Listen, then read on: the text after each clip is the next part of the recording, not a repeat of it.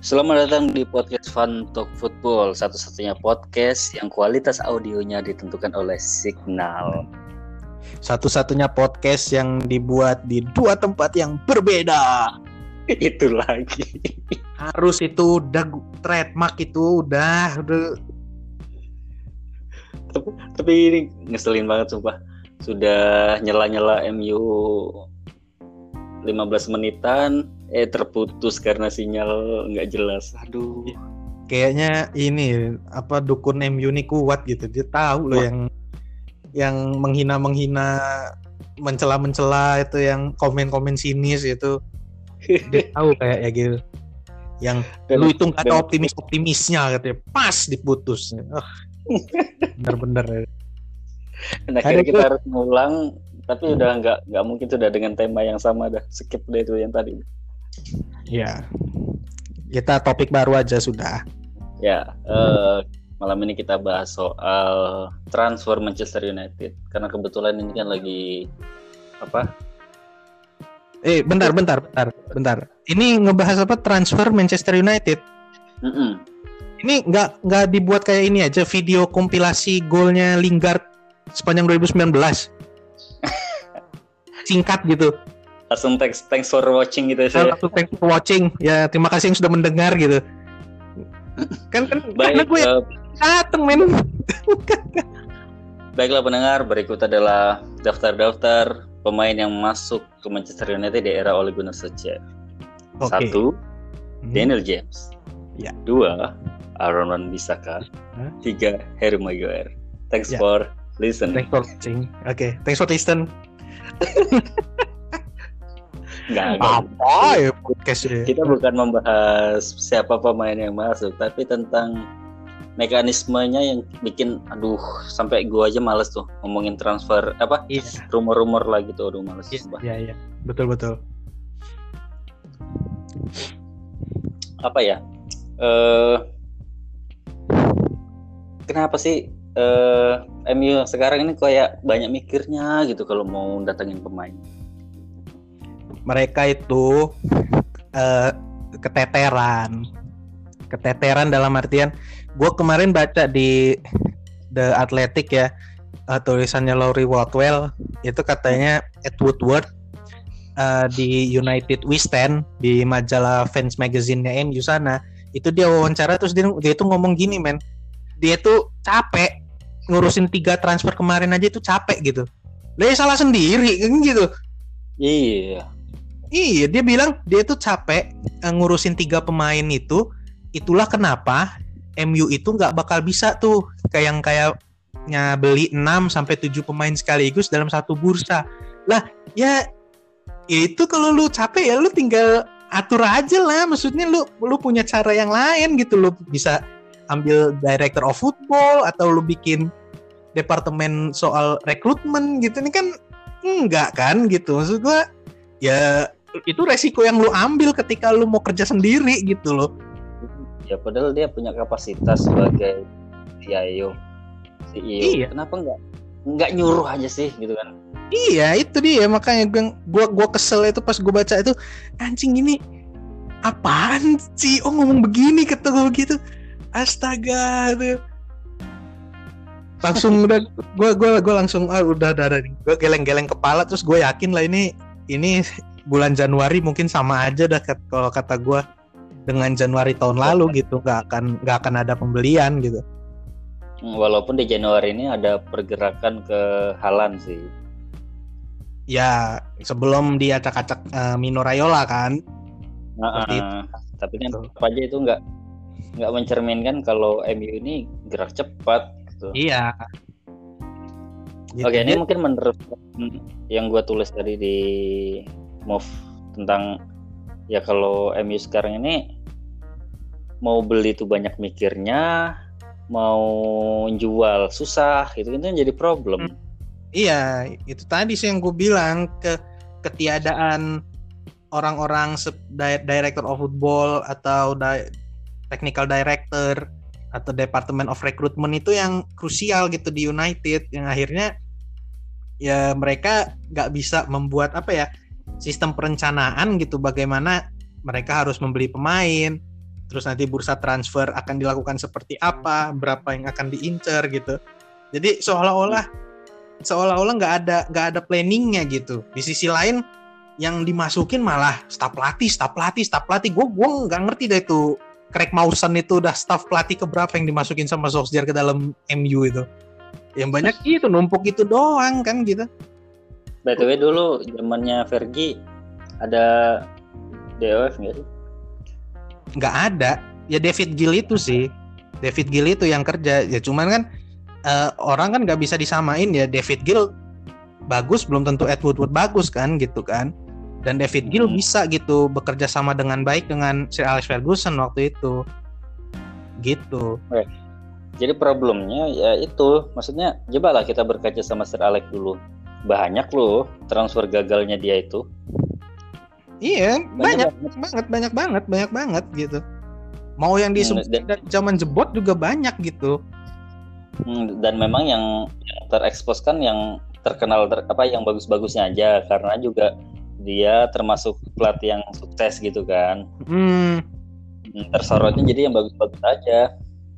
Ya itu padahal padahal kalau dipikir-pikir ini gue kasih nama nih ya kayak William Prunier terus masih hmm. Aibi habis itu Mark Bosnich kalau hmm. mau yang hmm. elit lagi Diego Forlan terus Zoran Tosik yang kayak kayak gitu kan Manuco ah itu kan yang yang yang jenis-jenis kayak begitu kan transfer itu cuman memang akhirnya nggak nggak ke ini aja sama radar nggak ke apa nggak ke expose sama kita atau sama media yang akhirnya mereka lebih ngarah fokus ke yang bagus-bagusnya aja. Padahal semua manajer itu transfer itu nggak ada yang yang full semuanya transfer berhasil gitu. Pelatih pelatih bagusan juga transfer banyak yang gagal. Gitu.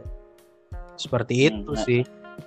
itu kan poinnya adalah bahwa memang nggak ada jaminan ketika kita atau mereka membeli pemain itu sudah jamin bagus itu kan nggak ada. Nggak ada memang bahkan ya. pelatih sejenius Sir Alex pun banyak zongnya. Iya ada zongnya gitu. Ada dia pernah ada beberapa momen ada zong. Ya Nick Powell kategori zong menurut gua. Alex Butner zong gitu istilahnya kan.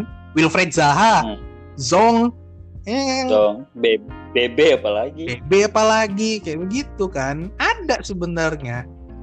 Cuma ya karena kita berpandangan kalau Sir Alex Ferguson adalah the greatest ever manager in, in the world in Manchester United, otomatis ya orang ngelihatnya yang bagus-bagusnya aja gitu.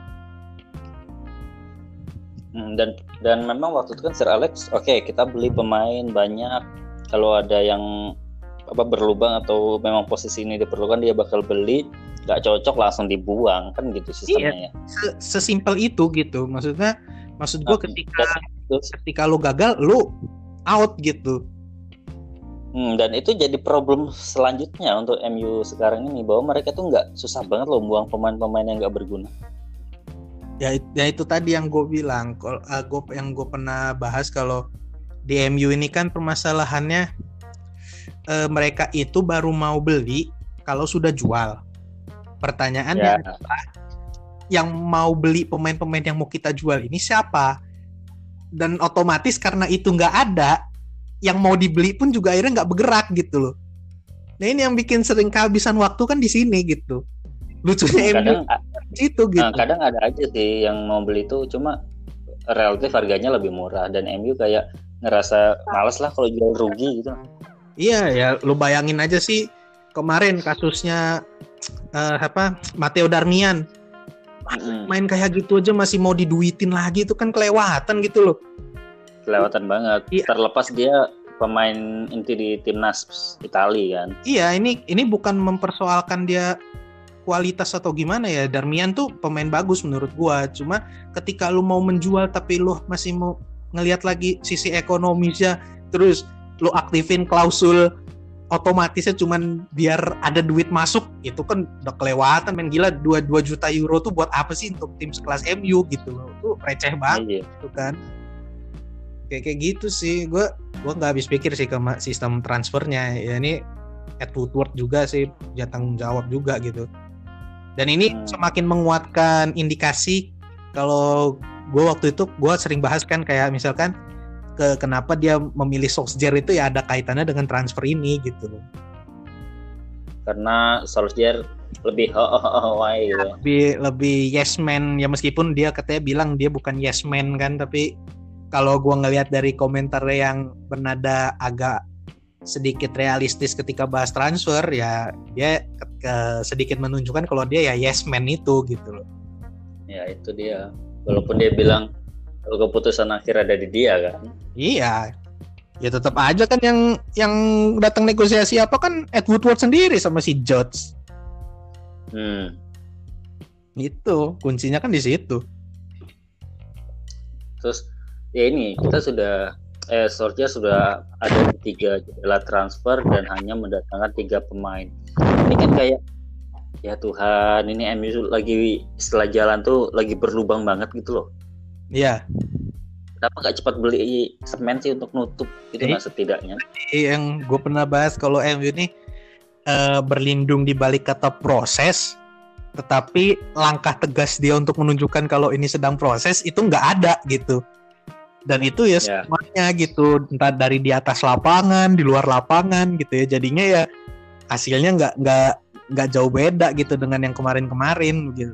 Kayak kayak gitu sih. Yang gue gue juga nggak habis pikir sih. Maksud gue gini loh, lu bursa transfer bulan Januari pemain lu nggak cuma satu Eh, satu yang tersedia gitu ya maksud gua Hmm. seperti terpaku dengan satu nama itu gitu tanpa ada usaha gitu mau mau coba ini yang lain kalau untuk masalah soal ya ini MU ya kan lagi jelek nggak ada yang mau datang ah itu mah apa ya Bisa-bisaannya aja. menurut gue mentah sih argumen kayak gitu gitu karena ya lu sejelek-jeleknya MU tetap masih ada yang mau main ke sana gitu kan ini mah tinggal lu Iya. pinter-pinternya lu cari player yang tersedia aja kan gitu sih Hmm. gitu aja sih menurut gua gitu niat-niat enggaknya dan sejauh ini sih gua lihat ya setan merah ini nggak nggak ada niat gitu Dan soal tiga kriteria tuh absurd banget menurut gua. Yang Inggris murah dan Oh, iya. mudah. Aduh. eh, sebenarnya kalau soal kriteria si Alex Ferguson itu dulu juga punya kriteria tapi kriterianya masih masuk akal kalau nggak salah gue pernah baca ya kriteria MU ngerekrut pemain di era Sir Alex dan David Gill itu satu lu nggak boleh ngambil pemain di atas usia 27 ini ini koreksi ya koreksi kalau pendengar nanti kalau ada yang lebih tahu bisa dikoreksi Eh, baru Tapi yang ini, tapi ini bisa patah di Edwin van der Sar juga kan. Ya, nah dengerin dulu. Yang kedua, Oke. baru akan membeli pemain di atas usia 27 di posisi kiper. Nah, itu yang Hmm. Edwin van der Sar akhirnya datang. Oke. Itu tadi. Terus? Jadi cuman ada dua itu aja. Baru ke gua kalau nggak salah Sir Alex Ferguson itu cuma melanggar eh melanggar sumpahnya ini tuh cuma dua kali seingat gua. Yang pertama itu Robin van Persie Ya. Robin van Persie direkrut us- umurnya udah 29 waktu itu. Nah, yang kedua Hmm. ini gua oh, yang kedua Henry Clarkson. Oke. oke. Karena Henry Clarkson tapi cuma statusnya pinjaman, tapi dia usianya sudah 33 atau 35 saat itu. Nah, kriterianya ini kan maksud gua kan dia nggak membatasi soal dia mem- usia membatasi, tapi kan kalau soal Hmm. nationality yang nggak dibatasi kan Ya. warga negaraan kan yang otomatis lo jangkauan buat memantau lebih luas kan ketimbang lo hanya menyebut satu negara Britania eh, Inggris atau enggak Britania kan gitu. Ya. Nah itu sih yang yang gua agak ini. Kalau masalah kriteria, Fergie punya kriteria gitu tapi yang nggak nggak se anehnya era Solskjaer sih yang katanya memang bukan kewajiban tapi sebagai preferensi. Ya preferensi itu keutamaan dalam artian lu bakal ngecek negara lain kalau yang kriteria yang pertama nggak bakal dapet masalahnya kan kita nggak tahu yang kriteria pertama ini bakal dapetnya berapa lama kan negosiasi apa segala macem kan Ya. itu gitu itu Lagian ya kalau kita, kita bahas soal Britania Rayanya aja dulu deh. Nggak usah muda dan murahnya dulu. Ya. Negara bagian Britania Britania Raya mana yang sukses di kancah internasional dalam satu dekade terakhir lah atau dua dekade. nah itu dia Itu satu, ya kan? Hmm. Kedua, klub PL mana yang memainkan banyak pemain Britanianya dan mereka sukses di domestik aja. Iya, nggak Klub nggak nggak ada gitu loh. Nggak ada. Ada, nggak ada. Memang dari dulu Premier League ini ya terkenal karena bintang asingnya, Tang asing yang dikombinasi memang beberapa pemain-pemain homegrown. kan Britania homegrown. Hmm. Ya itu sih yang Jadi ini kayak, aduh, ini dari transfer aja ya. Maksudnya kita nggak usah bahas tentang permainannya dulu deh. Dari transfer aja nggak mencerminkan kalau MU ini ingin berproses. Iya itu dia yang gue bilang kan. Ibaratnya gini, sekarang gini dia kita lihat aja eh, transfernya, eh, rumornya aja ya. Maksudnya pemain-pemain yang dirumorkan ke MU kan Madison, Hmm. eh, Jack Grealish, Sancho, Sancho, Declan Rice, eh, Longstaff. Iya iya. iya. Ampun banget Emang tuh ngapa sih itu mau dibeli MU? Lima ini aja sudah Inggris semua kan? Gitu. Iya. Meskipun orang bilang, ah lu so tahu lu Inggris dari mana ya? Cuman dari kecenderungan rumor yang kuat di lima orang Inggris ini ya otomatis secara nggak langsung kan menunjukkan itu gitu loh. Dan ini Hmm, semua Kalau kalau kita baca di eh, media-media mainstream ya banyak aja sih yang dirumorkan gitu kan. Tapi kan nggak dalam situasi yang lebih pasti gitu.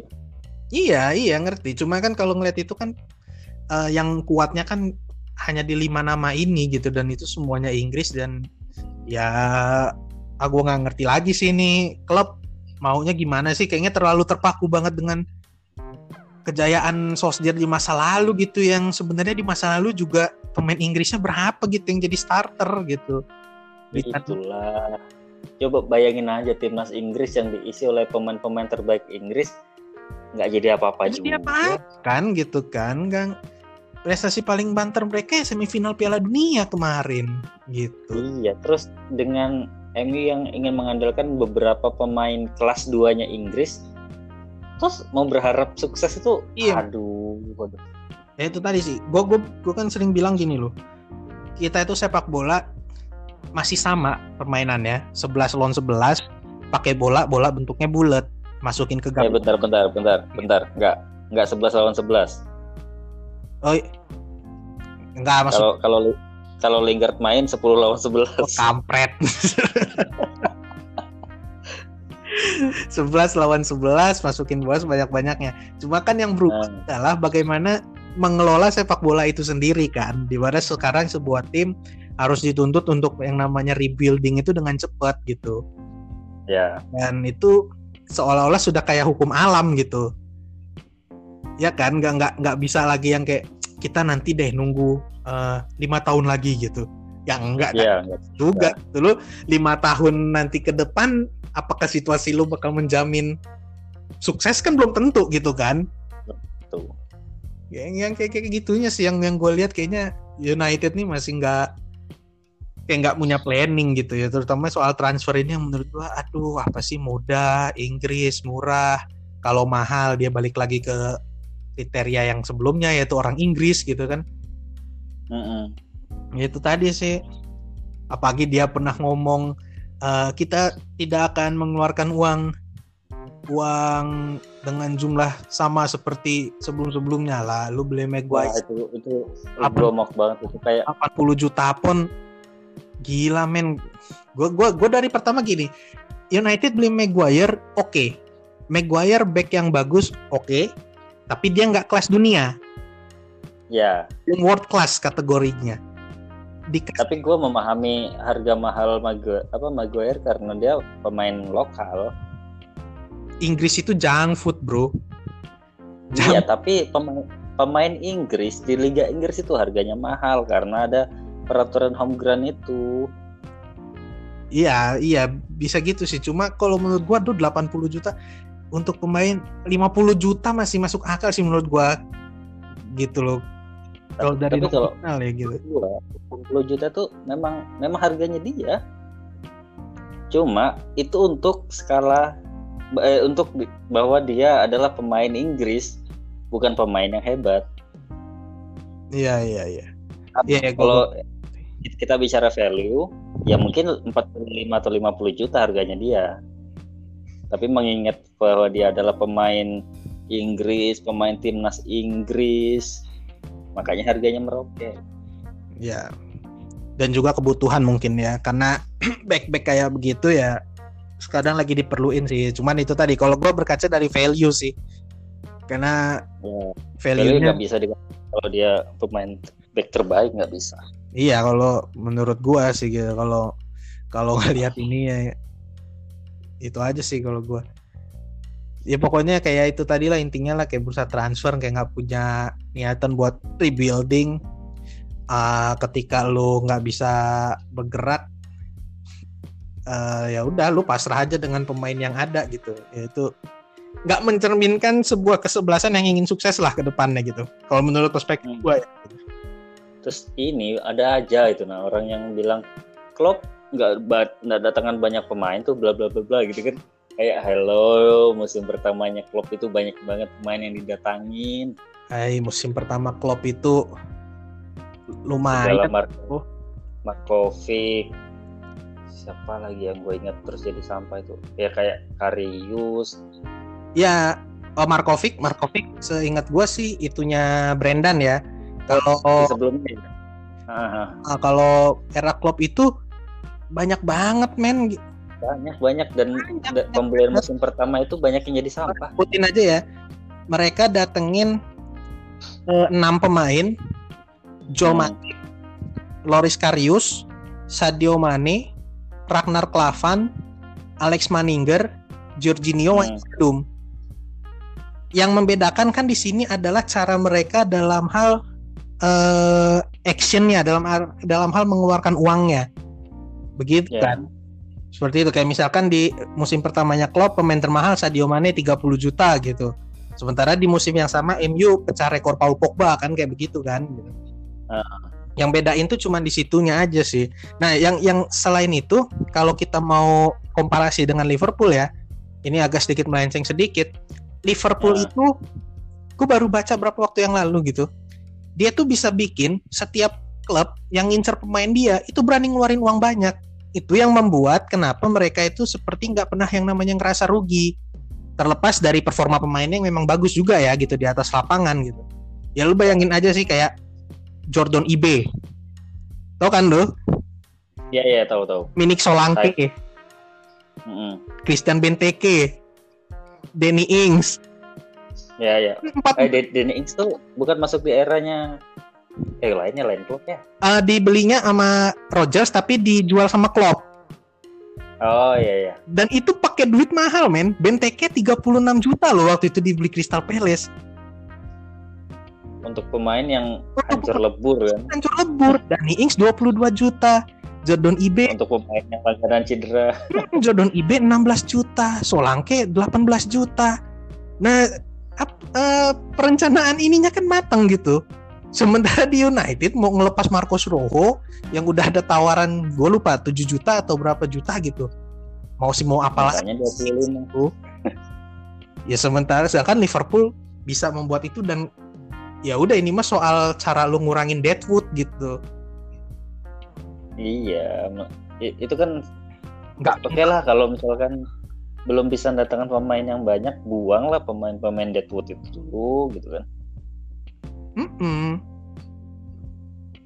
otomatis dengan membuang banyak deadwood akan ada keterpaksaan untuk membeli pemain betul. yang dibutuhkan. Betul, betul. Nah itu seperti itu. Nah ini gua di musim pertamanya klub ya yang dia buang itu Martin Skrtel 5 juta, Jordan Ibe 15 juta, Joe Allen 11 juta, Anjir. 27 juta, bukan 30 ternyata, Luis Alberto 4 juta. Bayangin pemain-pemain yang kayak gitu. Thiago Ilori, pemain yang gak pernah, gue gua nggak tahu kayaknya gue nggak pernah ngeliat dia main di Liverpool, itu masih bisa dapat 3 juta, 3,7 ya perencanaan kayak gini yang sayangnya nggak ada di United. Ya contoh aja sih sekarang ada nggak yang bisa dijual? Ada Paul Pogba. Kalau mau ngelihat situasi bursa transfernya MU kan, cuman kan hmm. masih aja ada mau nahan ini Iya, iya. Halo. Ya, terputus lagi.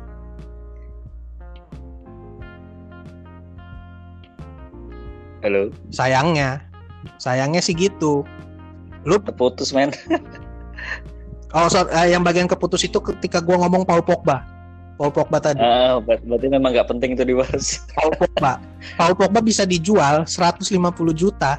And kalau gua kalau gua jadi Ed Woodward, gua akan ambil itu Iya, dengan uang asli. Gue juga. dengan uang yang nantinya gue bisa dapat dua pemain dengan value yang sama atau tiga pemain dengan value main masing-masing 60, 40 atau 50 gitu.